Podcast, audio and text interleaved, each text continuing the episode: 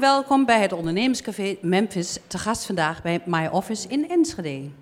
We praten het komende uur over flexibel werken met Leandra Troost, over reclame en marketing met Team Nijhuis uit Borne, waar de volgende generatie liefjes aan het roer staat. Uh, we praten over beleggen anno 2019 met het Twents Effectenhuis. En last but not least schuift Hero Brinkman aan, voormalig agent, Tweede Kamerlid en tegenwoordig pannenkoekenbakker. Maar we zitten hier dus bij My Office, een concept bedacht uh, door Leandra Troost. Inmiddels staan er door het hele land gebouwen waar ondernemers een werkplek kunnen huren, kunnen vergaderen en een broodje kunnen eten. Jan Mededorp heeft interesse.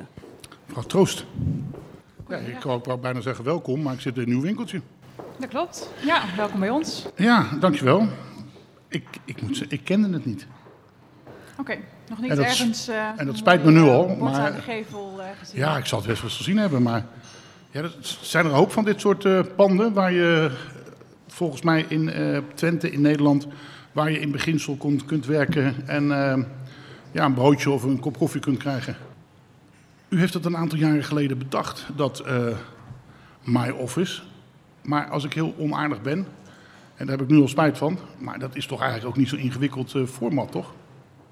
Sorry? Het is toch niet zo'n ingewikkeld format? Nee, uh, ingewikkeld is het zeker niet. Maar om te zorgen dat het succesvol wordt, denk ik dat dat wel wat vergt. Um, er zijn natuurlijk al verschillende concepten. Waar we zijn gestart in Zwolle was dat nog niet. Dus daar waren we eigenlijk een van de eerste die hiermee kwamen. En um, wij hebben ook geprobeerd om van wat er al was, in ieder geval te zorgen dat wij al het goede meenamen om dat toe, samen te voegen in één concept. Zodat je in één keer hier, uh, nou ja, alles samenkomt. Nou, maak me gek. Wat is hier goed en wat deugt er bij de rest niet? Nou, als het goed is, is het vanaf het moment dat je binnenkomt dat iedereen uh, dacht, uh, hey, vooral hier in Enschede, waar de meesten het nog kennen als het ondernemerscentrum Twente. Dat je binnenkomt en denkt, oh wauw, dit is leuk. Dit had ik misschien niet direct er verwacht. Er stond nu een leuke dame bij de deur. Toen dacht ik, hé, hey, wauw. Maar die was de vorige keer toen ik hier te gast was, was er niet hoor. Oh nee, dat was zeker zo. Want wij hebben altijd allemaal leuke dames bij de deur staan. Ja? ja op elke locatie is een gastvrouw aanwezig. Die, de business center manager, die eigenlijk ehm, voor alle gasten huurders en gasten van huurders die daar komen het aanspreekpunt is. Dus um, daarmee uh, ook een van de belangrijke punten van ons concept is de persoonlijke aandacht en touch die we daaraan willen geven. Dat is uh, dus op elke locatie, zoals op deze locatie Jacqueline. En zij is het nou, vaste aanspreekpunt voor alle zaken die huurders hebben. ook degene die als iemand binnenkomt om, voor een bezichtiging ja. of die een maar vraag heeft. Er was niet voor niks dat net Jolande zei dat ik interesse had. Want ik werk of thuis, of ik werk bij Van der Valk. Of ik werk bij de bedrijven waar ik een afspraak mee heb. Kan het niet beter omschrijven. Ja, nou de volgende keer rij je iets verder en dan uh, rechtsaf. En dan uh, kom je bij ons terecht. Oh ja, ja. Nee, ja goed idee. maar waarom zou ik hier naartoe gaan? Ik zit voor niks bij Van der Valk. De koffie kost daar, nou wat kost die? En het is ook niet zo duur. Er staan een heleboel tafels vrij. Kan ik altijd aan gaan zitten. Ja, nou, hebben, ze hebben wifi. Datzelfde kan ook hier. Uh, iets andere omgeving. En uh, wat hier ook vooral is van de Valk is natuurlijk in principe een hotel waar ze dat bij doen. Hè, dat de is meeting, mij niet ontgaan. Maar... Zalen hebben ze daarbij. En hier draait het echt om dat werken. Dus je zult altijd uh, veel andere ondernemers uh, treffen, andere mensen die hier aan het werk zijn. waardoor het ook meteen een, een ander gevoel geeft dan dat je in een hotel hebt waar je gaat werken. Maar we zitten nu, wat zitten we nu in? In het restaurant of in de ja, brasserie? Hoe noemen jullie dat? Daar zie ik een paar van die werk... ja, plekken, zo van die bank soort treincoupés zonder trein eromheen, zal ik maar even zeggen. Juist. Uh, daar kan je werken. Daar kun je komen zitten werken, ja. En dan? Uh, nou, op het moment dat je uh, gewoon binnenkomt, een kopje koffie bestelt en uh, hier komt zitten werken, dan is dat geen probleem. Stel dat je zegt, nou, dit is zo fijn, dit wil ik gewoon de hele maand komen doen, dan hebben we daar een abonnementsvorm voor. Uh, dat betekent dat je ook uh, daarin uh, koffie gewoon inclusief is. Dus niet hoeft af te rekenen elke keer bij elk kopje koffie. je kunt gebruik maken van de printfaciliteiten. En je bent ook onderdeel van de community. Dus je kunt ook op onze andere locaties terecht. En het fijne is, dat ook heb je dat bij Van der Valk misschien, ook bij ons. Als je deze hebt gezien en je komt binnen in Utrecht of in Zwolle, dan zul je meteen denken: ik ben weer bij mijn nee, office. Mijn office. Ja. En maar, dat is toch fijn? Nee, oké, okay, geloof je. Maar dan kom ik hier binnen. En dan ga, kan ik hier gewoon gaan zitten bij mijn laptopje en een kop koffie en een broodje kaas bestellen en aan het werk gaan. Ja. En niemand die gelijk zegt, hé, uh, hey, waar is je abonnement? Wat, wat, hoe kom je hier? Uh, dus dan zit ik drie uur op twee koppen koffie en een broodje kaas. En heel erg uh, hard te werken. En dat, dat, daar worden jullie ook niet rijk van. Nee, maar daar doen we ook niet moeilijk over. Dat is, eh, dat is gewoon prima, dat mag. En, op nou, geef ik ruidelijk toe dat u uh, niet de kleding aan hebt waar ik op leeg loop, maar een spijkerbroek en een shirt, financieel gezien. Ah, je moet toch geld verdienen? Ja, zeker. Maar uh, het volgende stapje kan natuurlijk zijn dat je zegt van nou, ik ben eigenlijk uh, op dit moment aan het groeien. Ik wil toch dat vaste plekje voor mezelf. Ik wil die laptop niet elke dag weer uh, in de tas meenemen en al mijn mappen en gedoe. Dus ik ga verder kijken en ik ga misschien een kantoorruimte hier huren. Nou, dan vervolgens kun je het volgende stapje zetten in het ondernemerschap en een vast kantoor hier nemen. We hebben ook veel mensen die bijvoorbeeld nu vanuit huis werken, ook die stap willen zetten en dan zeggen we gaan eerst even een maandje hier gewoon zitten, kijken of dit goed voelt en op dat moment zetten we die stap en uh, gaan we een contract tekenen. Nou kom ik wel eens in NCD, maar ik wist ook niet van jullie bestaan. Zo slecht is dat voor mij. Dus als ik het niet weet, denk ik dan altijd maar. Dan zullen er nog wel een hoop mensen zijn die het niet weten. Ja, nou, daarom vinden we het ook heel leuk dat dit soort avonden uh, hier zijn. Zodat nou, wij meer mensen kunnen laten zien. Helemaal goed. Maar jullie zijn dus op zoek naar vooral ZZP'ers of kleine Nee, eigenlijk hebben we een hele diversiteit aan uh, huurders. Uh, van één persoon tot uh, bijvoorbeeld 100 werkplekken die we verhuren aan, 100? aan Hoogtief in Utrecht. Oké. Okay. Um, dat is een, daar zijn ze met een um, aanbesteding bezig, waarbij ze dus begin van het jaar met 30 werkplekken starten. Op het hoogtepunt 100 mensen aan het werk hadden. Dat nu weer aan het afbouwen zijn, omdat eind van december de aanbesteding ingeleverd moet worden. Oké, okay, nee, maar ik kan me voorstellen als je 100 man aan, aan het werk hebt, dat je denkt, nou, ik huur wel een eigen gebouwtje. Ja, maar dit is dus echt tijdelijk, voor een jaar. Dus uh, dan willen zij graag uh, volledig ja. ontzorgd worden.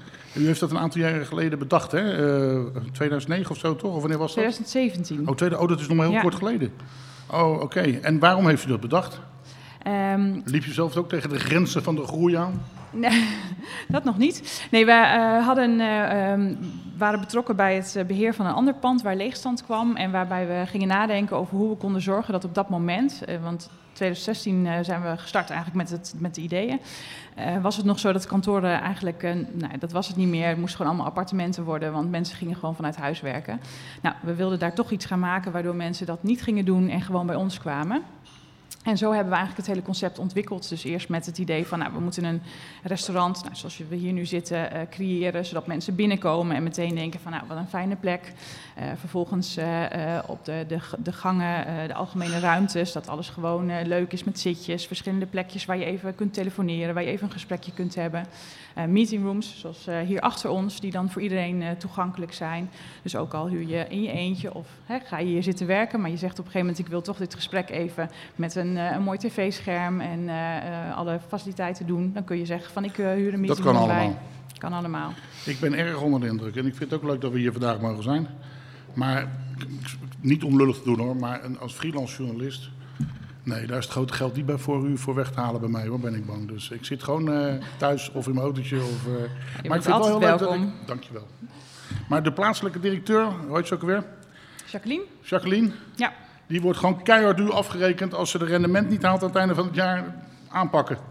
Zo'n type, want u lijkt er zo lief uit, maar volgens mij ben je gewoon een harde bitch. nou, dan moet je naar vragen. Dat ga ik straks zeker doen. Hey, tot nu, zeer bedankt voor dit gesprek. Dankjewel.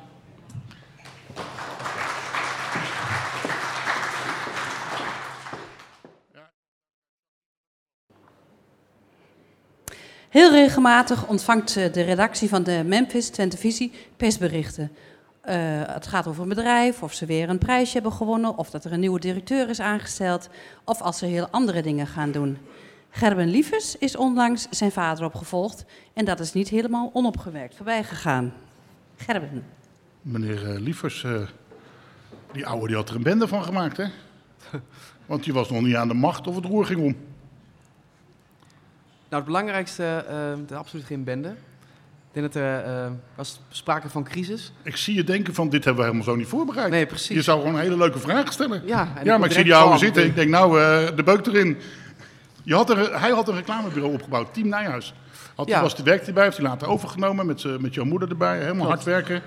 En dan uh, komt Gerben uh, aan de macht. En dan, uh, nee, dat reclamebureau, dat is bende. We gaan dan lekker op de digitale marketing. Nou ja, dat is ook de vraag van de markt. En misschien wel het belangrijkste nog. Kijk, als je een euro in de reclame zeg maar, steekt weet je dat de helft weggegooid is, maar je weet niet welke helft. En daar zagen wij in business van, hey, als wij nou eens aantonen welke helft je weggooit, dan kun je enerzijds op de helft besparen, want je hoeft de helft van je budget maar in te, te investeren. En anderzijds ga je leren, waardoor je misschien wel weer een euro gaat investeren met vier keer zoveel resultaat. Dus dat hebben we gedaan. Ik ben echt een, een, vakman, een businessman. En mijn ouders hebben altijd heel erg veel geïnvesteerd in het team. Vandaar ook Team Nijhuis. Uh, en dat is het belangrijkste kapitaal wat überhaupt je bedrijf maakt. Ja, maar Gerben, als ik Gerben mag zeggen, want hoe oud ben je nou helemaal? Uh, 32. Nou, het is toch gaaf dat je zo'n bedrijfje dan uh, hebt, runt, loopt. Werken gewoon meer dan 40 man. Ja, klopt. Dat heb je gewoon cadeau gekregen. Nou, cadeau niet, je zult er hard voor moeten werken en veel ja. moeten betalen. Maar van je ouders doorgeschoven gekregen, dat is toch gaaf? Nou ja, ik denk de krachten van de economie zijn wel familiebedrijven. Daar heerst toch een andere cultuur en een andere sfeer. En uh, tuurlijk is winstgevendheid daar ook een punt, maar meer voor de lange termijn en voor de toekomst. Mijn vriendin die hier in de zaal zit is ook zwanger. Dus wie weet wat er, hoe de generatie nog weer verder gaat. Je zegt het op een toon van dat is niet uit liefde, maar dat is omdat nee, nee, nee, nee, nee. Er is wel liefde bij komen kijken, zeg ja. maar. Een paar seconden. Nee, grapje. Ik heb het niet gezegd door namen. maar uh, even terug naar uh, het team Nijhuis. Is ook wel een beetje een opborgen naam, hè? Ja, what's in a name? Ja, weet ik veel. van Dat- als, als iemand dat weet, dan bent u dat. Nou ja, ik geloof altijd dat je een merk lading geeft. Je krijgt daar een bepaalde associatie bij. En ehm, ehm, als bureau heb je altijd je best gedaan om je imago wat te veranderen waar het nu is.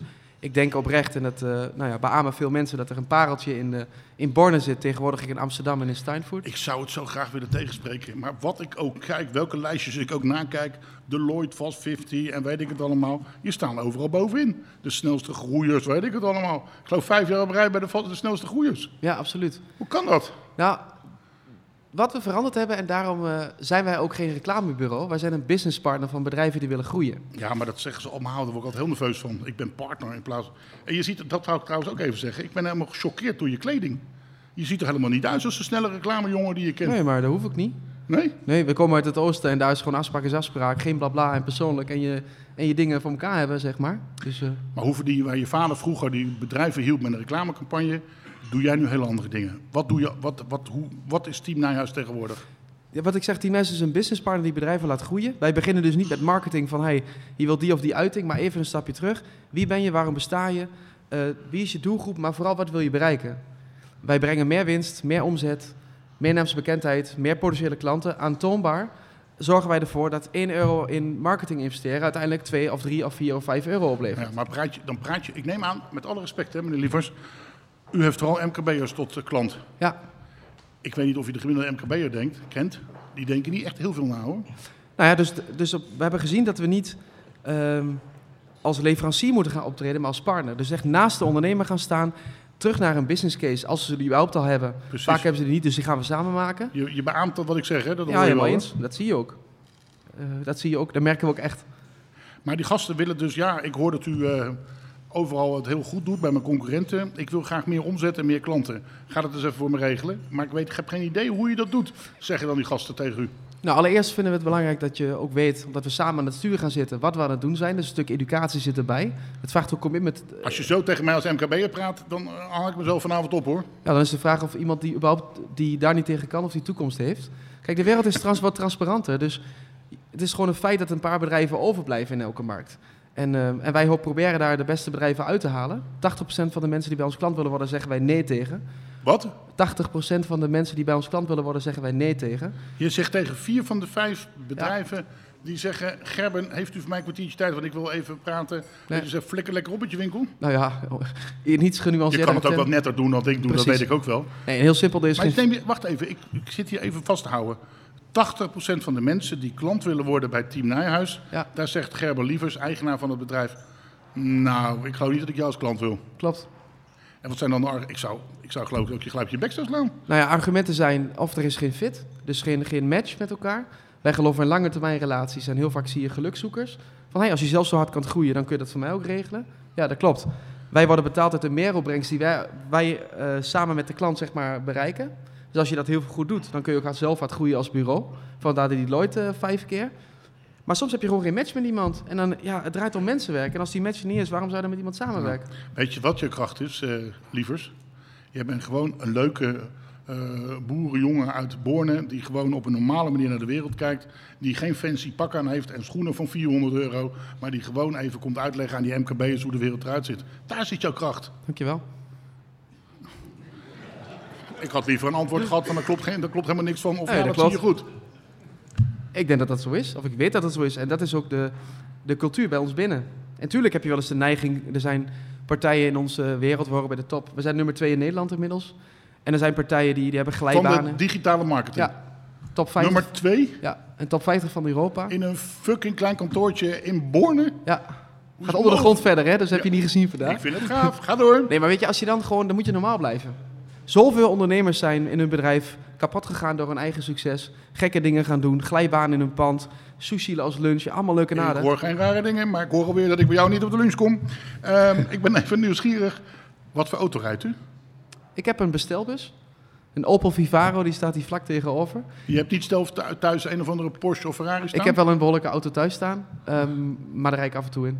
En wat was het merk ook weer, zei je? Audi RS5 rijd ik. Ah, nou ja, dat kan nog wel.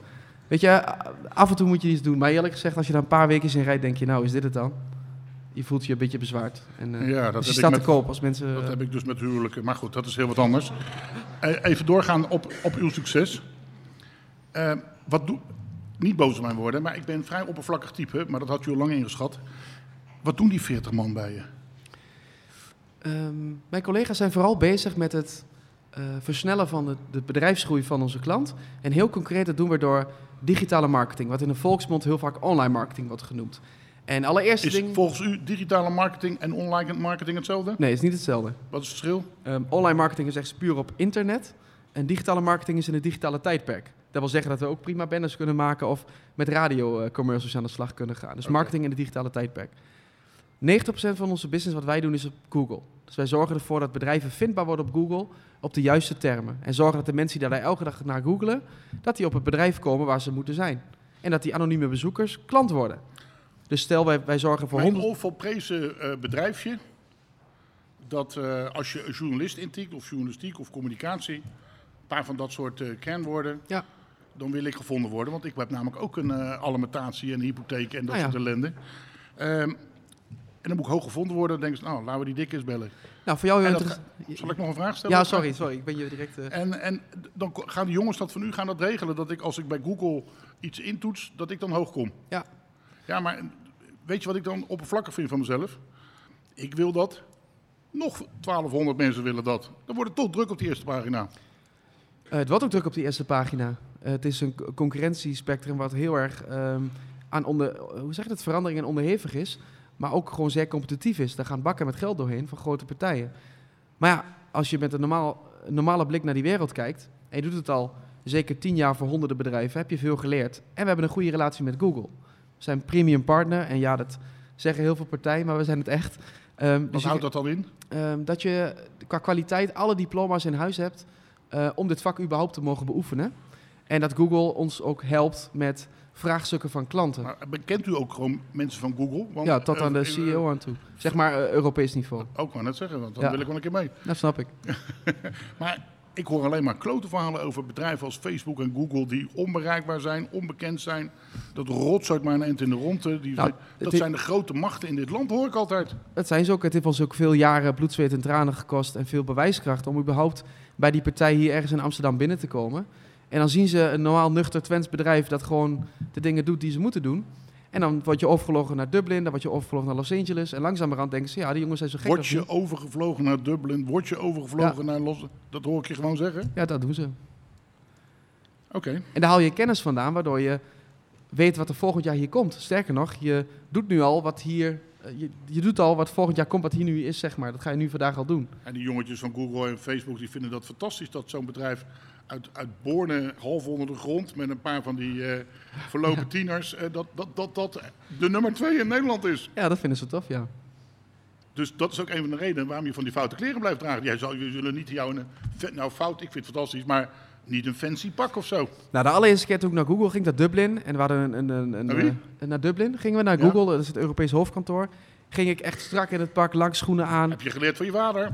Als je naar die mensen gaat, zorg dat je netjes uitziet. En ik kom daar binnen en die, er zat iemand tegenover me op C-level niveau, marketingmanager Europa. Die zit er met gymschoenen aan.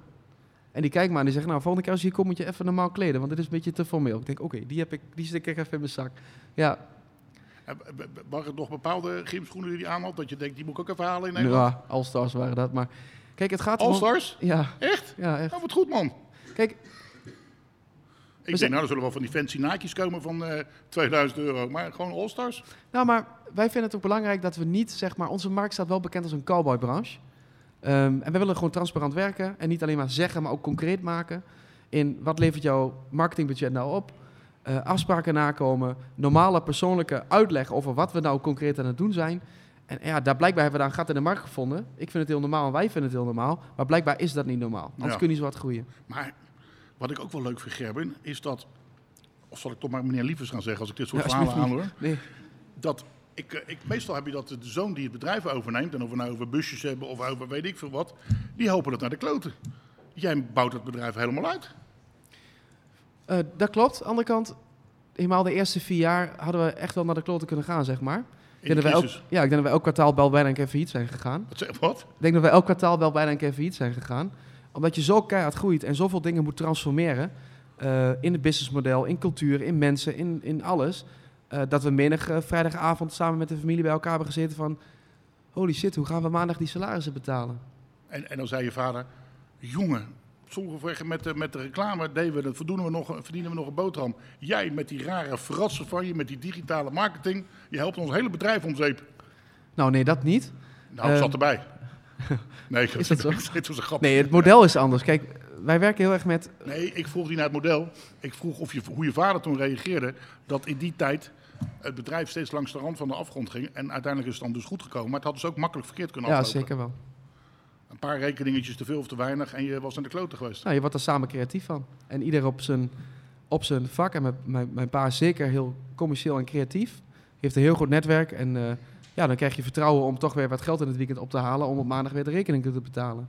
Wie, geld dit weekend op te halen. Ik begin even nu ne- nerveus te worden. Nou, op het moment dat je... ehm, we hebben geen klanten, we hebben partners. Op het moment dat je een bedrijf als klant zo, hebt, zo hard hebt kunnen laten groeien... En je belt ze eerlijk op en je zegt... joh, ik heb jouw omzet vorig jaar verdrievoudigd... en je winst keer acht laten maken. Wij hebben nu zelf een probleem. Dan zegt hij, flikker lekker op lul. Nee, wat heb je nodig? 30.000 euro? Maak ik over. Echt? Ja. Ja, ik heb toch heel andere kennissen. Maar we zijn nu 2019, ik bedoel, dat, dat was de oude tijd, zeg maar. Maar dat we daar als familie voor zijn gegaan, met alle mensen die toen zijn aangehaakt, die nog steeds bij ons bedrijf werken, maakt dat je een ontzettend goed fundament hebt. We komen uit een overlevingsdrang en tijdperk, oorlog. ehm, ja, en dat is nu wel even anders, zeg maar. Ja. Maar Gerben, ik kan me voorstellen dat dat team Nijhuis in de afgelopen jaren zo'n enorme kick heeft gekregen. Wat jullie, nou, wat ik al zei, jullie, of, of er werd gezegd net, net ook, jullie komen in allerlei staartjes. eh, hoe je, je bent de afgelopen vijf jaar keer of keer eh, gegroeid en over de kop gegaan. Daar komen toch een keer echte bureaus en die gaan zeggen, meneer Lievers, wij gaan dat winkeltje van u overnemen. Wat wilt u voor broodje hebben? Nou, dat broodje wordt denk ik elke week aangeboden. Helemaal eh, na de lijstjes. Ja, ja, geen grap. Oeh, dan kan je een echte Porsche kopen. Ja. Wat ja, En dan, is een levensinvulling. Hoe tof is het dat je als bedrijf, we hebben 263 klanten, ehm, ondernemers en marketingmanagers, daar werken wij voor, met hele uitdagende opdrachten, die al heel lang klant bij ons zijn, die daar mensen in dienst hebben met gezinnen. Hoe gaaf is dat je daarvoor kunt zorgen? En ik zeg nooit nooit overigens hoor, want misschien dit kuntje kunnen we nog een keer doen. Nee, want eh, ik zie uw vrouw zitten, die denkt, nou, als die of nou nog een keer komt, dan is die een keer s'avonds thuis en dan kunnen we tenminste een normale auto kopen. Nou, ik denk dat, je, dat we allemaal wel ehm, de kunst van het delegeren verstaan en eh, hele goede mensen op de juiste plek hebben gezet. je, er werken 40 mensen bij jou. Ja, 48. Ja. 48 hoor ik Ja. net uit betrouwbare bron. Eh, ik zou er toch heel nerveus voor worden als ik bij u zou werken. Eh, en ik zou dan weten dat je elke week op zijn minst een overnamebod krijgt. Dat ik denk, ja, straks trapt u er een keer in. En je weet wat er met bedrijven gebeurt die een bedrijf overnemen. Hè? Ja. En dat is leegschudden, de personeelspotjes leeggooien, en mensen die te duur zijn eruit flikkeren. Ja. Ik zou er toch nerveus van worden. Nou, om dat wel te doen, ja. Maar- Nee, dat ik denk, ja, dan ga ik, dan ga ik zelf wel weg. Of ik ga wat anders zoeken. Of, eh, Nou, ik vind dat je, als je dat overweegt, moet dat nooit uit financieel perspectief zijn. En zeker niet op zorgen. Ons businessmodel is niet projectafhankelijk zoals heel veel bureaus werken. Want heel veel bureaus werken, oh, kun jij een reclamecampagne voor me doen? Zeggen ze ja. En hebben ze een opdracht van maand 1 tot maand 6. En daar hebben ze een probleem, want ze hadden geen tijd voor acquisitie. Bij ons, wij werken met het abonnementsmodel. 80% van onze omzet komt elke maand met in, automatisch binnen. Dus we hebben heel veel stabiliteit financieel gezien. dus je weet aan het begin van de maand al dat je aan het eind van de maand zoveel duizend, eh, eh, tienduizenden euro's al overgemaakt krijgt van de abonnementjes. Ja, tot aan twee jaar verder, want dat zijn de gemiddelde contracten bij ons. Ja, maar dan gaat er ook wel eens een weg, toch? Die dan omvalt. Of wat dan, eh, Er komt in ieder geval meer bij.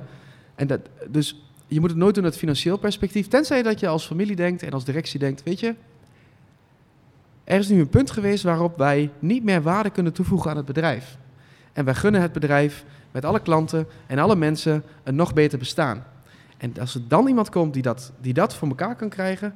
en je kijkt elkaar en zeg je, nou heb je nog zin hierin of niet? Ja, dan zouden we het kunnen overwegen. Ja. Maar dat is nog beter niet in de gebeurd. jaren 60, 70 was Twente super bekend door zijn reclamebureaus. Hè? Twente en Amsterdam. Ja. Nou, dat in Twente dat is praktisch helemaal weg. Je hebt er nog wel wat hier en daar zitten, maar niet veel meer. Maar ik begrijp dus dat zeg maar, dit een nieuwe tak is die in de afgelopen jaren misschien wat minder bekend was. Dat, want als, ik kan me ook voorstellen dat andere eh, i- van die, dit soort, dit soort eh, ICT-achtige bedrijven zeggen van... Nou ja, Twente, daar gebeurt het. Daar zit het team Nijhuis. Daar willen we bij in de buurt zijn, want dat gaat goed. Eh, ben jij eh, zo'n aantrekkingskracht? We krijgen wel regelmatig aanbiedingen van start-ups die eh, hier zeg maar iets willen starten. Dus tien start-ups met wij, met wij als bedrijf erbij als een soort incubator. We hebben investeringsfondsen achter ons die willen graag met ons hun start-up zeg maar laten groeien. Ja, begrijp ik met dit soort cijfers. Dan zou ik ook wel Ja. durven interesseren. Je hebt grotere bedrijven die zeggen ja, ik heb een marketingafdeling van 30 man. Maar als ik gewoon jullie koop, dan wordt dat mijn marketingafdeling. Dus er gebeurt wel veel in het speelveld. En, ehm, maar ja, dat is gaaf. Kijk, je leeft maar één keer en, en, en tijd is de belangrijkste valuta. Dus je moet altijd plezier houden in wat je doet. En zolang dat dan zo is, ja, dan heb je een grote glimlach en trek je toch je eigen plan.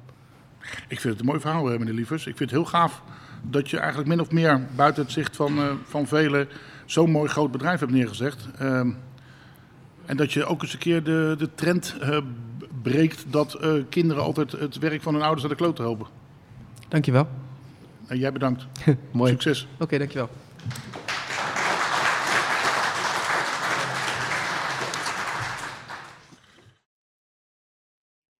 Het waren gerespecteerde Rabo-adviseurs, Erik Zenger en Gerben Peddemors. En ineens hebben de heren het Twents Effectenhuis opgericht. Vanuit Weerselo adviseren ze de klanten. Maar wie koopt anno 2019 nog aandelen? Nou, ik niet, want ik heb geen geld. Maar de Rabobank zit hier op het hoekje trouwens. Hebben jullie nog even gezwaaid toen je op weg naartoe was? Getoeterd. Ja, Moet je wel in de microfoon zeggen alsjeblieft. Getoeterd. Eh, want je bent daar met gezeik weggegaan? nee, ik niet. Ik niet. Ik ben eh, in 2007 weggegaan, zeg maar, uit eigen vrije wil. Ik moet zeggen, ik was toen geen adviseur. Ehm, ik ben daarna, ehm, ik ben in de Rabobank tijd en in de tijd daarvoor ehm, bezig geweest met klantendata. Klantendata? Ja, gegevens van klanten, zeg maar, om daar, eh, nou ja. Dat soort mensen heb ik zo'n teringhekel. ja, dat weet Die ik. alles verzamelen over, over mensen en dat dan weer gaan doorverkopen. Eh, Daarvoor zat ik bij Wekamp, die wisten nog meer. Oh man, hou op. Ja, precies. Dus CRM-achtige toestanden, zeg maar. Je Nee, dan weet ik even hoe zo'n type er nu uitziet Je die kunt het alles weet. klantgedrag kun je voorspellen. En eh, Nou ja, dat was de tijd van de Rabobank. Ik ben daarna, ik ben er weggegaan in 2007. Toen ben ik pas adviseur geworden. Ik heb in de Rabobank tijd zeg maar, eh, eh, mij gefocust op modellen, ook in de Wekamp tijd. En eh, nou ja, goed, dat leidde tot eh, Dat doe ik ook wel eens, me focus op modellen, maar dat zult u niet bedoelen. nee, modellen, modellen om klantgedrag mee te voorspellen. Oké, En eh van voorspel daaruit- eens wat. Eh, voorspellen, nou, dat, eh, zo kwam ik wel in de wereld van de beleggingen terecht. Eh, dat noemen ze in de beleggingswereld technische analyse. En ja, daarmee kan je dus ook voorspellend opereren. Dus daar ben ik mee naar de slag gegaan in 2008. En toen ben ik klanten gaan begeleiden. Dus, maar ik ben in goed overleg gewoon weggegaan. Beetje geld mee gehad. Kief op. Eh, laat ik me niet over uit. Meneer ik ken u wat beter. Want we hebben ooit voor een regionale omroep eh, elke vrijdag een beursgesprekje mogen doen. Dat klopt. Eh, tot mij eh, tevredenheid. Maar ik zie Mijn dat u wat, oh, ook, ook wel. Ja, ja, ja. Was ik zie dat u er wat angstiger naar, naar kijkt. ja. En dan moest u mij elke vrijdag vertellen waarom een bepaald aandeel goedkoper of duurder was, was geworden. En welke we vooral moesten kopen en vooral niet. Ging dat zo goed bij die Rabobank dat u met het Twents Effecthuis bent begonnen? Of, ehm, kijk, als iemand zegt dat hij er niet over wil of hij met gezeik is weggegaan, nou, dan weten wij allebei wel voldoende natuurlijk, meneer Pennemors. Hoe is dat nu? Nou ja, ik ben bij de, bij de bank weggegaan. Eh, De bank eh, die wilde van de beleggingsadviseurs af. En ehm, eh, om eerlijk te zijn was mijn werk ook, dat werd steeds verder ingekaderd. En eh, ik kwam steeds verder van mijn eigen werk eh, af te staan. Dus we- Wacht ik, even. ik, had, ik ja. had ook wel behoefte om een keer wat anders eh, te Ja, doen. maar nou, weet Dus- je, moet je horen wat je zegt. Mijn werk werd ingekaderd, dus ik kwam steeds verder van mijn werk Nou af ja. te staan. Ja, dan raak ja, ik toch in nou ja, goed. het In, in, eh, in, in Twents eh, gezegd, eh, ik kon me eigenlijk niet meer vinden in de adviezen die je eigenlijk moest geven om, eh, om maar risico's in een portefeuille eh, te, te minimaliseren. Ja, in normaal Nederlands. Ik kan me nog herinneren dat het hoofdkantoor uit Utrecht af en toe ingreep als een adviseur in eh, Enschede is een advies gaf bij mij op de zender. Wat dan niet helemaal overeenkwam met het Utrechtse advies. En dan werd Pedemors of een van die andere jongens, die werden net niet geliquideerd, maar het schat er niet ver Er, vandaan. er werd steeds scherper naar gekeken, eh, om het zo maar te zeggen. Dus de leuke tijd dat je nog eens wat kon roepen, dat was niet meer. Dus ik ben niet met trammeland weggegaan, maar wel met een mooie zakelijke overeenkomst. Helemaal goed. Hey, maar wat is er anders? Waarom moet ik, even voor uw duidelijkheid, hè, voordat u denkt, hé, hey, een klant, ik heb geen geld, maar dat hadden jullie al lang ingeschat. Ehm, maar 500 stel dat, dat, dat, dat, stel dat ik wat erf. Stel dat ik de, de staatsloterij volgende week denkt, die Mededorp is nu aan de beurt. En ik denk, moet ik met al dat geld? Ik ga het beleggen. Moet ik dan naar de Rabobank zijn? Of moet ik bij het Tens Effect thuis zijn? Laat zich raden natuurlijk. Ja, nou ja, daar, Dat, eh, vraag het maar even. Kom, eh, kom bij ons eh, op de koffie. We voeren een gesprek.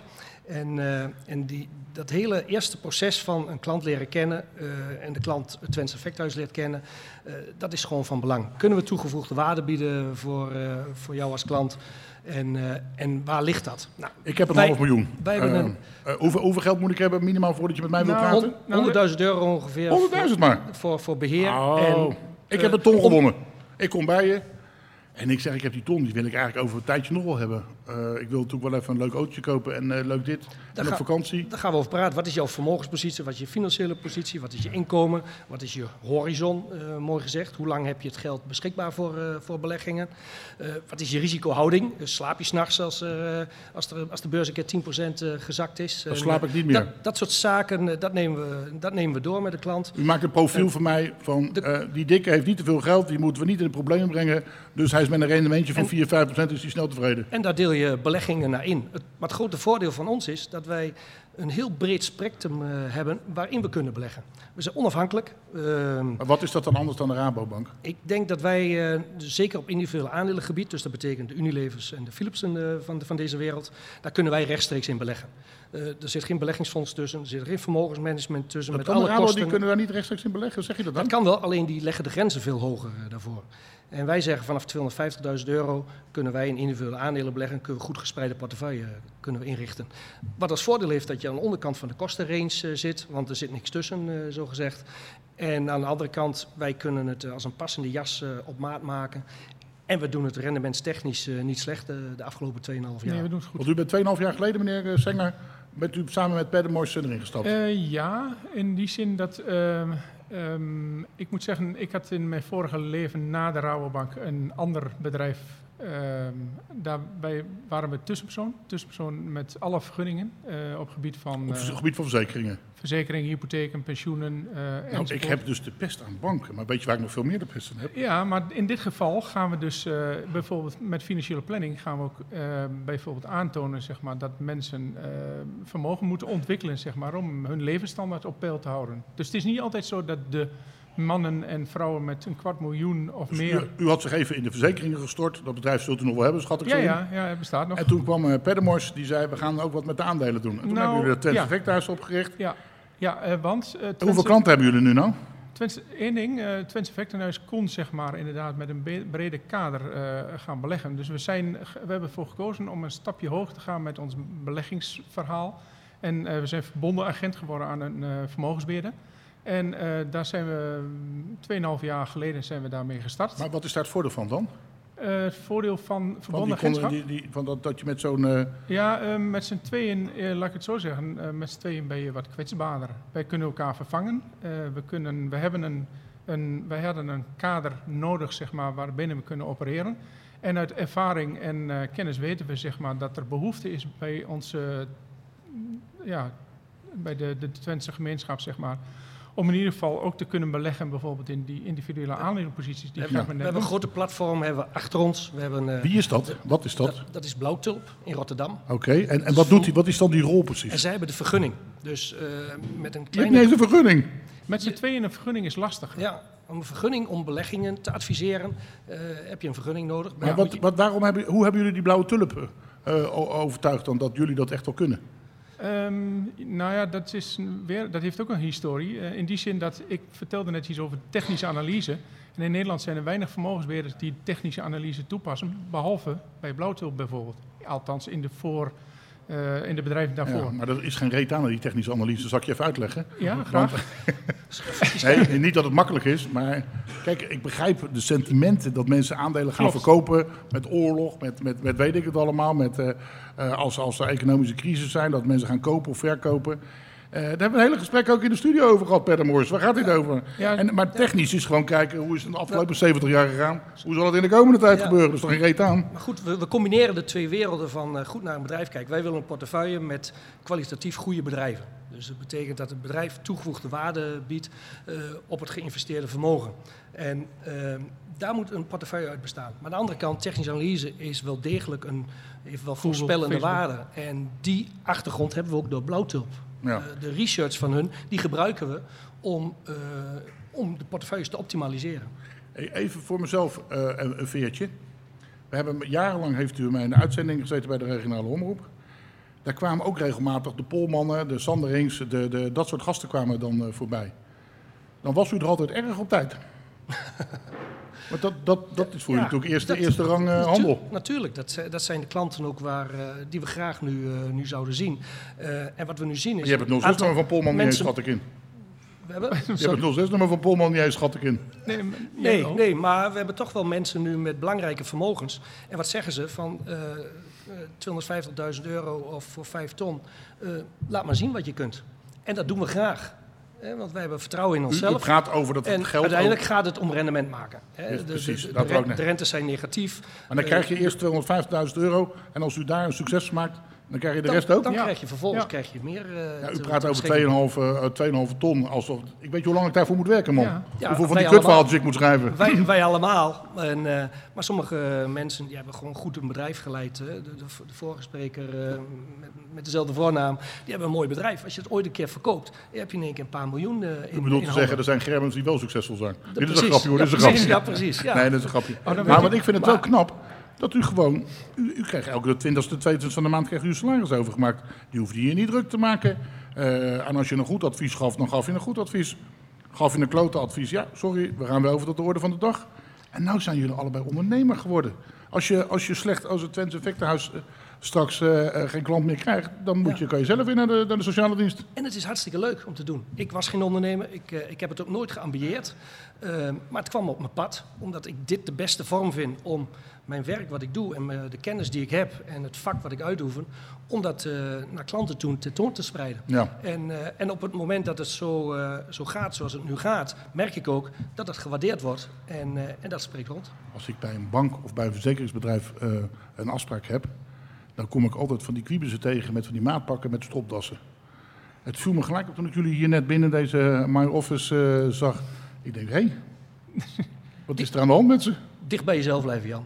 Nee, maar droeg u, ja, ik weet het niet meer zo goed. Ik- bij- de bank eh, zo nu dan een stropdas. Ik was wel een van de eerste die probeerde daar eh, afstand van te doen. Maar U was de Klaus zeg maar, van de Rabo. nou ja, wellicht in dat opzicht. Maar ja, ik heb die stropdas ook nooit begrepen. Begrijp ik nog steeds niet. Dus ik heb hem ook heel snel afgedaan. Het was ook inderdaad zo dat in bankenland eh stropdas verplicht was. Dus een rare tijd misschien. Ik heb geen idee. Ja, dat was zo. Maar jullie trekken dus nu samen op. Eh, Zijn Ja. die beide bedrijven van jullie samen of is alleen het effecthuis van jullie samen? Het Twents Effectenhuis is van ons beiden. Oké. Ja. En En eh, daarnaast eh, is- heb ik een bedrijf in eh, nou ja, de, de overige financiële diensten. ja, zeg die maar. verzekeringen wat u net eh, Klopt. aangaf. En dat is Maar- met een andere compagnon. Ik begrijp het. Maar ik ben even nieuwsgierig. Bij de Rabobank, eh, je kan een hoop zeggen van die Rabobank, maar dan had je wel een fatsoenlijk salaris en wat emolumenten. Ja, bank is een goede werkgever. Precies. Hoe zit je nu? Dat, dat is nu een eind minder. Maar we bouwen wel op. Dus het perspectief wat we nu hebben, eh, dat is mooi. Maar Dus je komt nu thuis met, met, met een, een twee derde van je salaris van vroeger. En dan zegt mevrouw Peddermors, dit moet niet te lang duren, Gerben, want eh, ik heb een andere auto nodig. En eh, ik wil binnenkort weer een keer naar Tenerife. Nou ja, ik goed. maar wat. Ja, nee, maar da- daar ga ik altijd nog zelf over. Maar eh, wat ik belangrijk vind, is dat je gewoon je werk eh, goed kunt doen. hoort De- ze, vrij- wat je allemaal voor vreselijke dat, dingen dat hoort Oké. dat hoort ook, dat weet ze ook wel. En, eh, maar het gaat erom dat je je werk goed kunt uitoefenen en, eh, en, en je eigen agenda kunt samenstellen. En vooral in je werk een breed spectrum hebt. Ja, eigenlijk zeg je, ik was er op termijn bij de Rabo ook waarschijnlijk wel uitgeflikkerd, want dat gaan ze allemaal anders doen. Klopt. En ik probeer nu gewoon eh, te kijken hoe ik mijn eigen leven kan, eh, kan invullen. Ja, en als het fout gaat, gaat het fout. En als het goed gaat, en die, die, dat- dat- dan heb ik gewoon de kans gegrepen die, eh, die Ja. mogelijk was. Ja, exact. Maar wat, ik bedoel het niet flauw, hè? Want, maar banken, daar denk ik altijd, ja, wat kunnen die mensen nog meer boven mij vertellen, hoe, ze, hoe ik mijn gulden moet uitgeven? Wat moet je anders? Nou, er is Ja. soms ook een bepaalde noodzaak. Dat is wat ik net aangaf. Soms ehm, stel je vast dat je een bepaalde levensstandaard hebt en dat je dat intact wilt houden, ook na je pensioenleeftijd. Ik kan aantonen zeg maar, wat je dan moet ehm, eh, doen zeg maar, om dat eh, vast te houden en te bereiken. En vaak eh, is de enige oplossing is beleggen. Eh, dat mee gezegd hebbende, Beleggen? ja, eh, of eh, ja, beleggen in de meest brede zin van het woord, want sparen levert niets meer op. Maar ja, goed, ik ben 57. Voor mij is het red- reddeloos verloren. Nee, maar je kan, nou ja, daarnaast. We, Ik ga vanmorgen kostenbesparingen, allerlei zaken zeg maar, komen aan de orde. We kijken in een Ja, maar dan moet je niet met mij praten, dan moet je met mijn vriendin praten. Ja, klopt. Dat klopt. Maar goed, we hebben, als het gaat om een, een financieel particulier huishouden, heb je altijd je hebt een inkomenskant en je hebt een vermogenskant. Had het net heel concreet even over Gerbens inkomenskant, maar er is ook een vermogenskant, zeg maar. Ik kan stellen dat we onze aardig redden en, eh, en meer dan dat. En Ja, maar dat even alle maakt- duidelijkheid. Ik vind jullie vakmensen. Ik ken jullie denk ik al wat langer en ik durf dat te zeggen. Ja? Ik vind jullie niet onsympathiek. Nou, nee. dus, maar dan denk ik, waarom zullen nou mensen die... eh, ja, of het moeten vroegere klanten zijn van de Rabo, dat je die een mailtje stuurt van ik ben voor mezelf verbonden, ga je met me mee. Maar waarom zou ik nou van de Rabobank of van de ABN of van weet ik veel welke klote bank naar jullie overstappen? Overtuig mij nou eens. Stel, ik heb dat miljoen. Nou, de, t- eh, twee dingen zijn belangrijk. Je, je hebt dus de, de, de feiten. De feiten wil dat we zeg maar een, een ander soort dienst kunnen aanbieden, een ander soort dienstverlening dan je eh, hier eh, in de. Ik zal even, ik zal even ingrijpen, meneer Stengers. Eh, meneer Pennemors, u zei net dat in de afgelopen al- 2,5 jaar dat het is, dat u meer rendement geboekt heeft in die periode dan dat u een vergelijkbare periode bij de Rabobank deed, omdat je dan aan, overal aan vastgebonden was. Ja, je hebt veel meer, je hebt veel meer keuze nu. Je hebt ook eh, veel meer keuze aan. eh, nou, neem een voorbeeld op, eh, op de Amerikaanse en de Duitse markt. Daar zijn hele mooie midcappers. En midcap staat voor de wat kleinere, de subtop van het bedrijfsleven. Voor Amerikaanse begrippen zijn dat. Voor onze begrippen zijn dat grote bedrijven. Amerikaanse begrippen zijn het Humor. eh, een bedrijf van 20 miljard omzet. Vind ik Eh, toch wel een betrekkelijk mooi bedrijf. Ja, precies. Merendeel van de mensen kennen dat soort bedrijven niet. En daar kunnen wij nu in beleggen. Dankzij Blauwtulp en de research die er allemaal op plaatsvindt. Maar de Rabobank negeerde dat soort bedrijven dan? Zeg je dat nou met zo verwoorden? Nou, ze negeerden het misschien niet, maar ze wilden niet meer hebben dat het hele land eh, maar geadviseerd werd eh, op, op dat soort gebieden. Want dat hadden ze niet meer in de hand. Het, Nee, bij Rabobank maar- was, er was het risicoaspect veel belangrijker in de portefeuille dan het rendementsaspect. Ja, maar meneer Pennemors, ik zal nog even. U heeft ook een tijdje bij die Rabo gewerkt. Die Rabo heeft ook wel wat schandalen achter de rug, volgens mij. Hè? Waarbij eh het type zoals u met een andere naam. maar de meest waanzinnige dingen adviseerde. En dat die mensen dan. eh, heel veel, wat nou nee, meneer Stengers? Ik, zit, ik heb Ja, de. Moet ik het opzoeken? Ja, ja, nee, dat is een feit. Oh, Ja, maar Alleen- daar is die regelgeving ook allemaal uit voortgekomen. Hè? Die strakke Ja. regelgeving is daaruit voortgekomen eh, om, omdat die, eh, om die excessen eruit te, ja. eruit te En bij de. Rabobank hebben ze dan helemaal huisregels. U zegt, daar heb ik geen last van, die knellen mij niet. Maar dan loop je er ook veel meer risico. Nou, en dat proberen we ook in te dammen. Je loopt niet zoveel risico als je er maar heel wijs eh, mee omgaat. En als je ook maar duidelijk maakt aan de klant wat je, wat je doet. En dat de klant zich daar ook in kan vinden. En dat je dat overeenstemt. En daarom is ook aan het begin... En schriftelijk dat, vastlegt. dat- en verschriftelijk vastlegt. Precies, als, je rare, als een klant rare dingen wil doen, dan zeggen we dat kan niet. En, Nou, dat eh, kan wel, en- maar maar, dan- maar als je vervolgens iets wil doen wat wat een klant niet gewend is om te doen, maar het kan wel binnen de beleidskaders, ja, dan kunnen we daarover praten. Ja.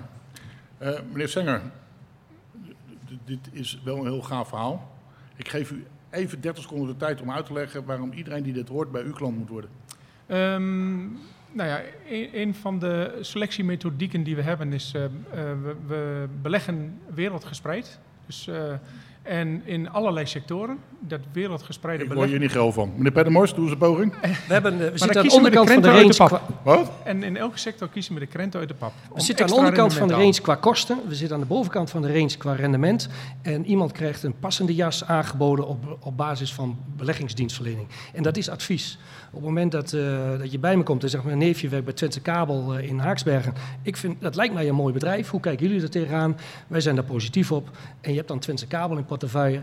Dan doet een portefeuille leeft net iets meer dan wanneer je een indextrekker eh, van de AX eh, hebt. Heren Pedemors en Senger, ik wens jullie oprecht veel succes. Dank u wel. En Dank u wel. die Rabobank de markt uit. Dank u wel.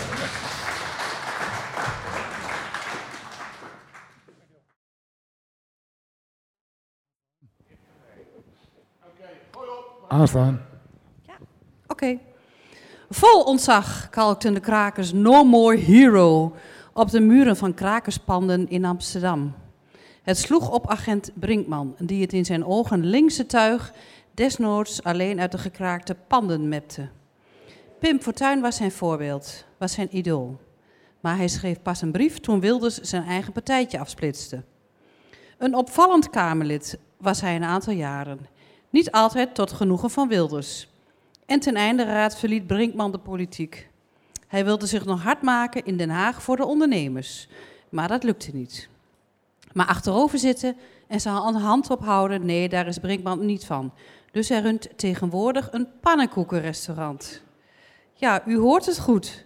Oud-agent, voormalige Kamerlid, bakt ze letterlijk bruin. Het is helemaal geen pannenkoekrestaurant, het is een barbecue-restaurant. Hoe kom ik er nou toch op dat ik de pannenkoekrestaurant opschrijf? Ah, misschien, misschien vind je me een pannenkoek. Nou, dat zeker. maar ik weet, ik heb zelf een keer bij u mogen eten Ja. in Den Haag. Op Ja. het niet toevallig Almeloplein in Den Haag. Is dat, is dat bewust dat je daar je restaurant Ja, gevestigd dat, hebt? dat is echt dat is een ongelooflijk toeval. Ik ben nog steeds in Twente en ik, ik, ben- ik film nu nog altijd tussen in Twente.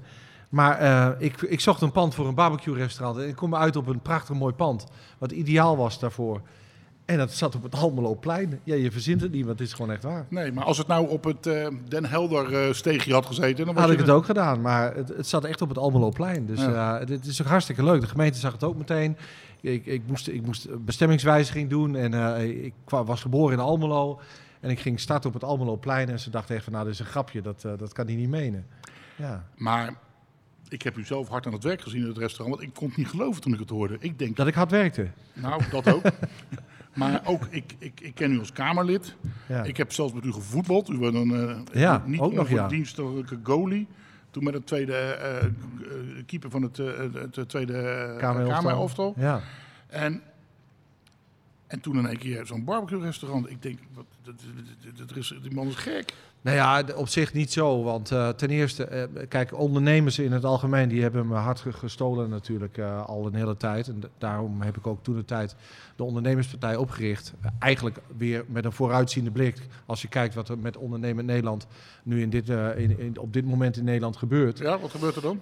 Nou ja, kijk, heel veel ondernemers worden gewoon een nek omgedraaid door wanbeleid in Den Haag. Ik bedoel, eh, ze hebben jarenlang... Voordat je, voordat Ja, nee, maar, maar die kant wil je niet op met mij. Jawel, dus laat, laten we nee, maar geef één voorbeeld van het wanbeleid waardoor ondernemers de nek wordt omgedraaid. Nou ja, alles wat nu met de boeren en wat met, met, met, met de ondernemers, met bouwen, bouwende ondernemers eh, gebeurt, dat is jarenlang al bekend. Dit, dit, dit, dit, dit, er zijn al eerder uitspraken geweest. En ze hebben, he- ze hebben eh, ouderwets gewoon weer de kop in het zand gegooid in de hoop dat iedereen er weer overheen En dat gebeurt gewoon niet, want met dit, in dit geval, inderdaad, de linkse milieukliek, die gaat lekker door naar de rechtbank en die gaat lekker door naar de Raad van State. En eh, de ondernemers zijn gewoon weer de dupe. Maar meneer Brinkman, mag ik Ja. even wat anders vragen? Dat was wel even leuk. Hè, Ja, dat is heerlijk. Dat, eh, nee, zeker. Maar ja. je bent een hele goede politicus gewe- geweest in mijn beleving in Den Haag. ja. Maar dan ga je ruzie maken met Wilders. Ik zal even kort uitleggen. Wilders is de PVV. Als Ja. je niet als Wilders zegt, we gaan allemaal naar links of we gaan naar rechts of we gaan naar boven of je moet dit of je moet dat. Ja. Als je het niet doet, dan ben je het einde oefening. Al die kwiebesjes die daar zitten, die doen precies wat Wilders zitten. En dan ging u elke dag roepen, ja, het moet de- Ja. democratischer, er moet Hey Jan, wij hebben, wij, Jan, wij hebben vandaag een afspraak gemaakt met z'n We tweeën. gaan hè? het over Nee, nee, nee, nee, nee, nee, Oh, nee, maar wacht even. Wij hebben vandaag een afspraak Ja. gemaakt. Ik heb me aan, mijn- aan, mijn- aan mijn deal gehouden, toch? dus Ik je ben, ne- ik ben netjes teruggekomen. We hebben eh voorbesproken. Hoe zou jij nou vinden als ik twee minuten van tevoren tegen jou zeg... Nou ja, ik heb me toch, eh, ik heb me toch even bedacht. Ik, ik kom niet opdagen. Vind je me niet aardig, toch? Vind je me niet leuk? Lijkt mij een Oké. eufemisme. Bij mij door. is het zo, bij mij is het zo, is mijn hele leven al zo geweest. Mannen, mannen, woord en woord. En Ik heb in doet het zo drie keer. 2005, nee precies. Ik heb in 2005 heb ik afspraken gemaakt met, eh, met Geert Wilders. Ik ga me- met jou die partij proberen groot te, eh, groot te maken. Ik ga met jou proberen in de Tweede Kamer te komen. Maar Ik wil, ik wil niet in een ondemocratische partij gaan werken. Ik ga niet voor een of andere eh, zichzelf godvoelende man eh, in de Tweede Kamer werken. Dat doe ik niet. Ik wil op termijn wil ik daar een democratische partij van hebben. Dat heeft Geert Wilders mij letterlijk beloofd. Heb ik altijd tegen hem gezegd. In 2006 zijn we in de Tweede Kamer gekomen. We hebben gesprekken gehad. Geert zei, binnen twee jaar gaan wij dat proces van democratisering gaan we op, eh, op gang brengen. Het was 2008. Ik heb het op de, op de agenda van de fractie laten zetten. En toen was mij wel duidelijk, dat zou nooit gebeuren. Nou, da- dan, dan, dan naai je mij dus een oor aan. En dat laat ik me voor zoiets belangrijks als democratie in een politieke partij, dat laat ik me niet aan gelegen liggen. Ja, dus ik ben in 2010 inderdaad dat Ja, democratiseringsproces... maar waarom ik het zo mooi vind, Ja, is dat je bij die partij uitgegaan. ja. En je hebt natuurlijk nog even tijdelijk, tot aan de verkiezing, heb je nog eventjes een, een, eh, op eh, de zetel Brinkman, of hoe heette die partij toen, eh, heb je dat nog even uitgezeten. ja. Maar ik ken wel, ik heb wel een lijstje Kamerleden, maar ook ministers en staatssecretarissen, maar die na hun periode in Den Haag gewoon jarenlang geen fuck doen en elke maand gewoon geld overgemaakt krijgen. En Ja, maar gewoon, dat- eh, ik ben dat, Nee, ik vind dat toch wel verrassend. Kijk, om te beginnen, ik ben een Twentse, eh, Twentse jongen. En eh, ten tweede, zo ben ik ook niet opgegroeid. Mijn, mijn, Nee, dat ouders, zei je ook niet hoor. mijn ouders en mijn... pff, nou, je moet ze de kort schrijven. Mijn ouders en mijn eh, familie, die hebben nooit de hand opgehouden. Dat heb ik ook in mijn leven nooit gedaan. Dat zal ik, zal ik ook nooit doen. Eh, dus nee, dat is niet gebeurd. Ik, eh, ik, je bent nog even met Rita, eh hoe heet ze? Verdonk. Verdonk nog even opgetrokken. Ik denk, is een soort goud. Maar er werd ook geen goud. Nee, Rita die had een organisatie opgetuigd die heel erg regionaal en heel erg lokaal opge- opgericht was. Er zaten een aantal leden van, van uh, Trots. Er zat om- veel geld hoor. Nee, ze had ook, ze had ook veel schulden. Oh. Nou, Helaas. De jongens die ik ken, die erachter zaten. Die ja, maar die hebben later eh 2,5 ton van haar teruggereisd, weet je Ja, nog? dat zou ik ook wel willen dan, Ja, als je zo precies. wordt. Dus met andere woorden, de, de- daar zat een heel verhaal achter. En eh, zij had een organisatie opgetuigd. Die waren eh, lokaal helemaal versplinterd. De ene gemeente, daar zat een trots op Nederland. Die was zo rechts als ik weet niet wat. En de andere gemeente, nou, die eh, haalde eh, de GroenLinks en de SP nog links in. Dus dat wa daar was geen leiding aan te geven. Dat was één groot drama. Oké, maar goed. eh, Ik, ik spring even van de hak op de tak, niet boos worden. Nee joh. Dan bereid ik dit gesprek voor. Ja, Wat kom ik tegen? Hero Brinkman staat binnenkort weer voor de rechter. ja eh, want hij heeft weer gelekt in zijn tijd als eh, politieagent naar de Zeker. Telegraaf. zeker. Je was ook een paardenlul ook, hè? Dat je dat allemaal die dingen deed die helemaal niet mochten en zo. En dan sta je weer Ja. voor de rechter en dan ga je misschien nog in het cachot. Ik heb in, ehm, in 2012 ben ik de Kamer uitgegaan. En toen heb ik een gesprek gehad, onder andere met, eh, met een aantal eh, VVD'ers. Eh, Want die wilde je wel graag hebben. goeie, goeie, vri- ja, dat klopt, ja. Maar goeie, ook nog steeds goede vrienden van me. En een van die VVD'en, eh, een, een, een bekende Twentse eh, ex-Tweede Kamerlid, ik zal zijn naam niet noemen, maar vul het maar in. Maar hij heet oplaat. Nee. Oh. Nee. En die zei tegen mij, heren, waarom, waarom ga je nou in, vredesnaam terug naar de politie? Ik zeg, nou ja, ik zeg, ik ben... Ik, ben Ik heb mijn afspraken gemaakt, ben- ik heb een contract dat ik terug mag. Eh, Sowieso, maar ik was mijn leven lang... Ik ben, vanaf mijn 19e politieman geweest. En ik, ik heb 33 jaar bij die toko eh, in Amsterdam gewerkt. Dus ik ben ook gewoon opgevoed met politie. Ik ben in hart en nieren eigenlijk gewoon nog steeds een beetje politieman. Dus ik zei, ik wil gewoon weer terug achter de boef aanvangen. En ik wil gewoon eh, recherchewerk doen en noem het allemaal maar op. Ehm, hij, hij waarschuwde me ervoor. Hij zegt, Hero, dat is niet verstandig, doe het niet. Waarschijnlijk wist hij meer. Want wat bleek nou het geval? Ik ben eh, echt ongelooflijk genaaid door de politieleiding Amsterdam. Onder andere door de hoogste politiebaas over de recherche daar, meneer Olivier Dutiel. Eh, die heeft mij eh, aantoonbaar een aantal keren eh, behoorlijk genaaid. Die heeft Je weet dat het een radio-uitzending is. Hè? Dat wordt Interesseert, me, interesseert me geen moer. Die heeft een aantal, die heeft een aantal in- interne info van mij doorgespeeld aan de media. Waar overigens de media helemaal niks mee, mee te maken had. Dat ging over interne zaken. Ehm, eh, uiteindelijk heb ik een, eh, een rechercheonderzoek gedraaid op een eh, terreurmelding. Ben ik, ben ik het bestuur van een, een salafistische moskee gaan onderzoeken. En daar ben ik achter dingen gekomen. Maar vervolgens is diezelfde politiebaas, deze Olivier Dutiel, die is gaan samenwerken met het bestuur van die moskee. En hebben ze een klacht tegen mij Dus die geformuleerd. wilde helemaal geen onderzoek hebben. Maar de- het mooie nog, en dat zou ik jou, eh, omdat het een mooie radio-uitzending is, zal ik jou vertellen. Die Olivier Dutiel, dat geloof je niet. dat is de politiechef, hè? Dat is de politiechef, maar dat is ook het neefje van Ivo Opstelten. Oh, maar die is ook niet voor niks eruit geflikkerd, toch? En Ivo Opstelten, die had al in 2011 eh, Geert Wilders op zijn, eh, op zijn vizier. En ik ben ervan overtuigd, ik kan het eh, denk ik ook nog wel bewijzen, eh, dat daar ook een lijntje ligt richting die Dutiel. Eh, die heeft aantoonbaar allerlei dingen nu ondertussen ook een proces verbaal gezet, wat hij heeft doorgespeeld aan de media. Dat heeft gewoon één grote rotzooi opgeleverd. Als je nou naar aanleiding van dit gesprekje ook weer aangeklaagd wordt, wil je me dat even melden alsjeblieft? Nou, ik, dit heb ik allemaal eerder openbaar gemaakt. Dus, Oh. eh, eh, en ik zeg, er Maar altijd bij, al- ik zeg er altijd bij, door het feit dat ik bepaalde dingen inderdaad naar de Telegraaf heb gelekt, heb ik een terreurmelding, een terreurdaad in Amsterdam in 2015 vereideld. En dat kan ik bewijzen. En ik verwacht op die rechtszaak, want dan gaan die bewijzen naar buiten komen. Nou, ik eh, kom in het bankje zitten. Ja, maar wat ik, ik het nodig is toch je de bij goede wij- oude tijd dat er op die, door die krakers geschreven werd No More Hero. Ja, dat was leuk. dat was toch gaaf, man? Dat was wel gaaf, ja. Die, eh, Aan de andere kant ook- De kraakgroep Oud-West die had het echt op mij voorzien. Want, eh, die Ja, maar je bent ook helemaal gek volgens mij. Als je, helemaal, je krijgt ook een waas voor ogen als je daar aan het werk gaat, volgens mij. Nee, helemaal niet. Ik ben gewoon heel erg eh, reëel geweest altijd. Als je kraakt, op zondagmiddag om 12 uur werden de panden altijd gekraakt in Amsterdam. En als je kraakt, dan ging ik eerst onderzoeken, stond dat pand leeg, langer dan een jaar? Zo ja, dan is de legale kraak, kan ik er weinig aan doen. Als dat niet het geval is, dan geef ik je 24 uur de tijd. Ik neem, ik neem de aangifte op en ik geef je gewoon 24 uur de tijd. En als je lief bent, geef ik je drie keer 24 uur de tijd om het pand te verlaten. Zo niet, dan ga je eruit, klaar. Zo Maar- was het. En dat, Ja, maar dat, het was- het dat werd allemaal besproken met justitie, met het OM. En, ja, maar eh, jij ging er in je eentje met die knuppel naar binnen, man.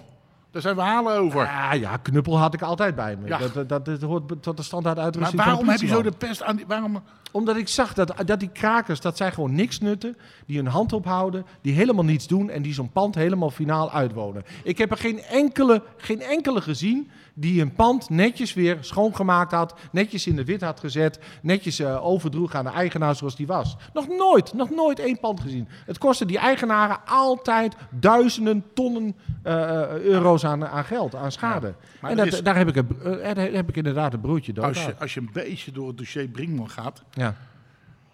Ik bedoel, de, de, ik, ik zit Dan wordt je hart helemaal warm, hè? Ja, dat ook. maar er zijn wel veel ges, eh, affairtjes, hè? Dan Ja. heb je weer een aannemer op zijn bek geslagen. Dan heb je je achterbuurman... eh, Nou, dat is, je, moet, je, moet niet, dat, is, dat is niet zo. ik dat, chargeer een beetje. Een maar je moet niet beetje. heel snel ruzie met meneer Brinkman maken. Want dan heb je Nee. snel een, een knal voor je kop te pakken. Ja, dat, is, dat is absoluut onzin. Ik ben er absoluut niet agressief. Eh, maar ik ben wel heel erg helder en duidelijk. Absoluut. Eh, en ik ben voor niks en niemand bang. Ook dat niet. Ook al sta je met een groep van tien man voor me, dat interesseert me allemaal geen moer. Nee, Waar komt dat vandaan, man? Ja, dat is misschien de roots hier van het Twente. Eh, te veel stikstof, denk ik. Hey, eh, dat barbecue-restaurant, hè, daar ben ik geweest. Ik, vond, ik heb lekker gegeten, dankjewel. Ja, graag En voor alle gedaan. duidelijkheid, ik heb netjes betaald, hè? Ja, Dat je dat even bevestigt, Ja. want anders Ik krijg heb je wel de extra mijn best gedaan voor je. eh, Dat kan geen kwaad. Zo'n grote man. Maar is Wilders al een keer geweest? Nee, maar dat kan ook niet. Geert, eh, als Geert bij mij in het restaurant komt, dan, eh, dan, dan weet de media dat en die ziet dat. En dan gaan er allerlei verhalen van eh Maar. Forum voor Democratie, daar heb je wel contacten mee. Ik heb met sommige mensen contact. Niet alleen van Forum, maar ook nog steeds van de, van de PVV. En ook bijvoorbeeld met de partij van Richard de Mos. Daar heb ik ook contacten mee. Nee. Maar ik heb ook bijvoorbeeld... Die is zo corrupt als de hel, man. ik heb vorige week... Ja, ja, Jan, Jan, Jan. Eh, ik heb, eh, Ga jij nu zeggen, gaat u nu zeggen dat Richard de Mos geen maar ik corrupte... heb vorige week Jan, eh, Ger- Henk Bleker nog gesproken, bijvoorbeeld. Die is misschien wat minder corrupt. eh, maar, Zeker. Die was helemaal maar die Richard de. Mos die deugt toch niet, man. Die moet er niet je kenniskring hebben. Alleen als je naar zijn kop Richard- kijkt, dan denk je al fout. Oh jeetje, nou dat vinden ze van jou dan ook Dat waarschijnlijk. vermoed ik wel. Nee, Richard de Mos is, een, is een, een, een- echt een rechtgeaarde Hagenees. Die eh, ontzettend hard gewerkt heeft aan zijn partij in, eh, in Den Haag. En die wethouder is geworden. Die hele goede dingen heeft gedaan. eh, die een hele aparte module had gevonden met ondernemers. Namelijk helder en duidelijk laten zien wat uniek is in Nederland. waar je geld vandaan komt. Die ging met een gesponsorde bus. met alle sponsoren op die bus ging hij rondrijden. Dat waren zijn sponsoren. En, en die, die, die sponsoren die, die hadden een bepaalde kijk op zijn programma en die spraken hen aan. Daarom hebben ze geld gestort. Eh, het was niet andersom. Het was niet zo dat die sponsoren binnenkwamen en zeiden: Nee. Dit is mijn boodschappenbriefje, ga je dat als hij weet heel goed wie zijn vriendjes zijn en die heeft hij wel bevooroordeeld. Bevoordeeld. Nee, hij heeft ze niet bevoordeeld. Die vrienden die kwamen na hem omdat, zij, omdat hij standpunten had die hen heel erg uh, gewillig was. Hij was bijvoorbeeld. En ik, toen ik, moest ik, hij ik, ik kan het weten. uitdelen. En wat een toeval. Daar waren ze weer. Ja, nou, dat is toch geen toeval. Maar eh, even voor de precies. helderheid. Maar even voor de helderheid. Richard de Mos die heeft een eh, vergunning gegeven, een nachtvergunning, aan een, eh, een lid van zijn partij, aan, aan Attila eh, van, van, van Opera. Die man die heeft voor de verk- verkiezingen heeft hij geld gesponsord aan die partij. In het partijprogramma van Richard de Mos staat dat hij verruiming wil hebben van eh, openingstijden van de horeca en dat hij ook een vijftal nachtvergunningen extra in Den Haag wil hebben. Dus met andere woorden, na de verkiezingen heeft Richard de Mos precies datgene gedaan wat in het programma stond. Ik zou Alleen jou een voorbeeld Nee, geven. nee, nee, wacht even. Ik wil, Maar jou, ik wil jou één voorbeeld geven van, eh, van de landelijke politiek. Ik heb niet in het partijprogramma van de VVD bij de laatste verkiezingen gezien dat er 4 miljard geschonken moest worden aan de vriendjes van de VVD bij de Unilever en aan vriendjes van het CDA en de VVD bij de Shell door de, door de, door de dividendbelasting af te schaffen. Dat heb ik niet in het programma gezien staan. Was, maar eh, vervolgens, het, het kabinet was er nog maar net drie weken. En koet à koet, die 4 miljard, die moest weggegeven worden. Ik zou, als ik het OM was en de Rijksrecherche, zou ik de telefoon van Mark Rutte de, eh, minstens drie maanden aftappen en kijken bij de e-mails wat daar allemaal ge- ge- gedaan is om dat voor elkaar te krijgen. Nou, dan ga ik zeggen wat ze vinden. Nou, Dat meneer Polman regelmatig eh, contact heeft gehad eh, met, eh, met meneer Rutte. Dat ja, wat andere maar van dat dat is soort... niet alleen Polman geweest. Nee, dat zeg ik. Er zijn nog een paar van dat soort types eh, Ja. geweest. Maar ik, ik begrijp wat je bedoelt. Ja, dank je. En ik ben het ook voor een deel met je eens, moet ik toegeven. Maar het is toch wat anders dan wanneer je...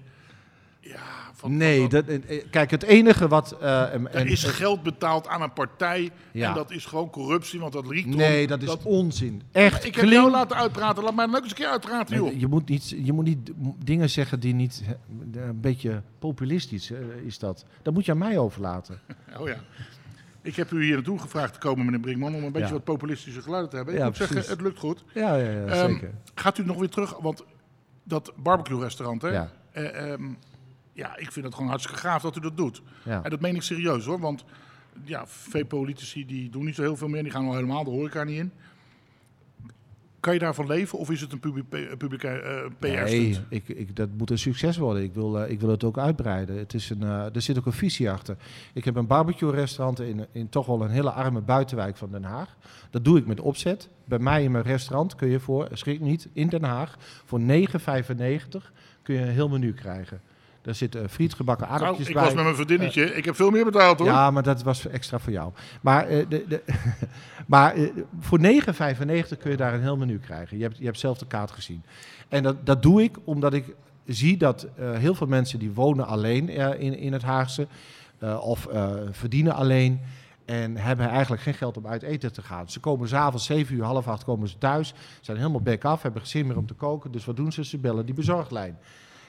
Voor datzelfde geld kunnen ze ook gewoon bij mij in mijn restaurant een keer wel uit eten gaan. Maar je dat hebt ook een bezorgdienst toch tegenwoordig? ja, ik heb ook een bezorgdienst tegenwoordig. Dat klopt. Daar ben ik nu ook een weekje mee begonnen. Ik ben me helemaal kapot geschrokken hoe populair dat het is. Eh, dus ik heb de afgelopen week echt heel hard gewerkt, want ik heb heel veel bezorgingen ge- eh, gekregen.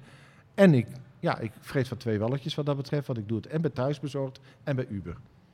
Ik ga kijken welke het beste is. eh, nee, maar zo, dat, dat vind ik wel gewoon eerlijk dat je dat zegt. Zo ja, kennen we dat, zeker. ja. Ja. Hey, maar je gaat nooit met de politiek in, want je loopt ook binnen met die sperrips en met die carbonaatjes aan je. En eh, je zou natuurlijk dom, dan neem je straks iemand aan die... eh, want je, dat vond ik wel opvallend. Je werkt, staat gewoon zelf ook achter de, Ja. achter de grill te... te- Zeker. Ik heb een eh, chef-kok gehad die, althans, dat we, die had wat referenties en die heeft als chef-kok gewerkt. En die heeft bij mij twee weken achter de barbecue gestaan. Ja, die heb ik weer weggestuurd, want die, die had het gewoon niet in zich. Dat, eh, dat ging niet naar mijn zin. Nou, dan doe ik Moeilijk hè, om iemand ontslaan anno eh 2019. Oh nee, dat is eh, bijzonder makkelijk. Dat is wel een voordeel Ja? als ondernemer. Ja, zeker. Hey, zeker. en, ehm, maar uiteindelijk... Op zo'n korte termijn dan, hè? Ja, ja, ja. Uiteindelijk Ja. wilt u natuurlijk gewoon weer terug de politiek in. Nou ja, ik weet niet wat er nog meer op het pad komt. Eh, ik, ik, tuurlijk, politiek is een. ik zeg altijd: politiek is het ultieme ondernemen. Eh, je probeert met je mond en je visie en je verstand. En toch ook je logisch nadenken. probeer je eigenlijk eh, mensen gebakken lucht, te verkopen. Dus dat is het ultieme ondernemen. Eh, mensen moeten voor jou of sponsoren. of ze moeten voor jou naar de stembus gaan. tijd besteden om dat, vakje rood te kruisen. Dus ja, dat, dat, dat is het ultieme. Ehm, ik vind het, eh, ik, ik vind het eh, waanzinnig. Ik ben, ik ben iemand die zeer eh, begaan is met het land en, en breed georiënteerd is wat dat betreft. Dus het landpolitiek, dat blijft bij mij altijd een passie en dat blijft bij mij altijd trekken. Dus ik zeg nooit dat ik niet terug ga. Nee, Maar de politie is een gepasseerd station. Ik, ga, ik, ga, ik zou heel graag ehm, eh, bij de politie in Spanje of in Frankrijk willen werken, maar nooit meer in Nederland. Want dan niet, mag je niet in mijn periode. De politie in. eh, ik, heb, ik heb genoeg dingen gezien in Amsterdam. Ehm, ik ben er ook over een boek aan het schrijven. eh, die overigens eh, nog steeds met een open einde zit. En het einde, dat kunnen jullie wel bevatten waar dat, waar dat naartoe gaat. En als dat boek uitkomt, dan denk ik dat heel veel mensen zich achter de oren krabben en zich helemaal stel achterover slaan van schrik. Maar eerst de volgende rechtszaak. Ja, dat is Als dat- die ja, afgelopen is en uw voordeel eh, afgehandeld is en er komt nog een Ja. beetje nieuws naar buiten, dan uiteraard. denk ik dat een aantal politiek, want die zijn nu een beetje bang om u waarschijnlijk binnen te halen, want ze denken ja, straks eh, wordt die gek voor een half jaar eh, vastgezet en dan slaat het op ons over. Ja, dat zo werkt Ja. het natuurlijk. Ja, nee, dat klopt. Ja, nee, dat, eh, dat, dat is waar. Dat vastzetten dat zal niet een optie zijn, maar Als je vastgezet wordt, kom ik bij je langs, beloof ik je. ah, dat is lief van je. En als je niet vastgezet wordt, kom je weer bij mij langs. Zullen we dat afspreken? Absoluut, dat spreken we af. Meneer Brinkman, het was me een genoegen dat u de moeite genomen heeft van Den Haag naar het altijd gezellige Oosten te komen. Zeker, Doe voorzichtig zal ik doen. en succes. Dankjewel.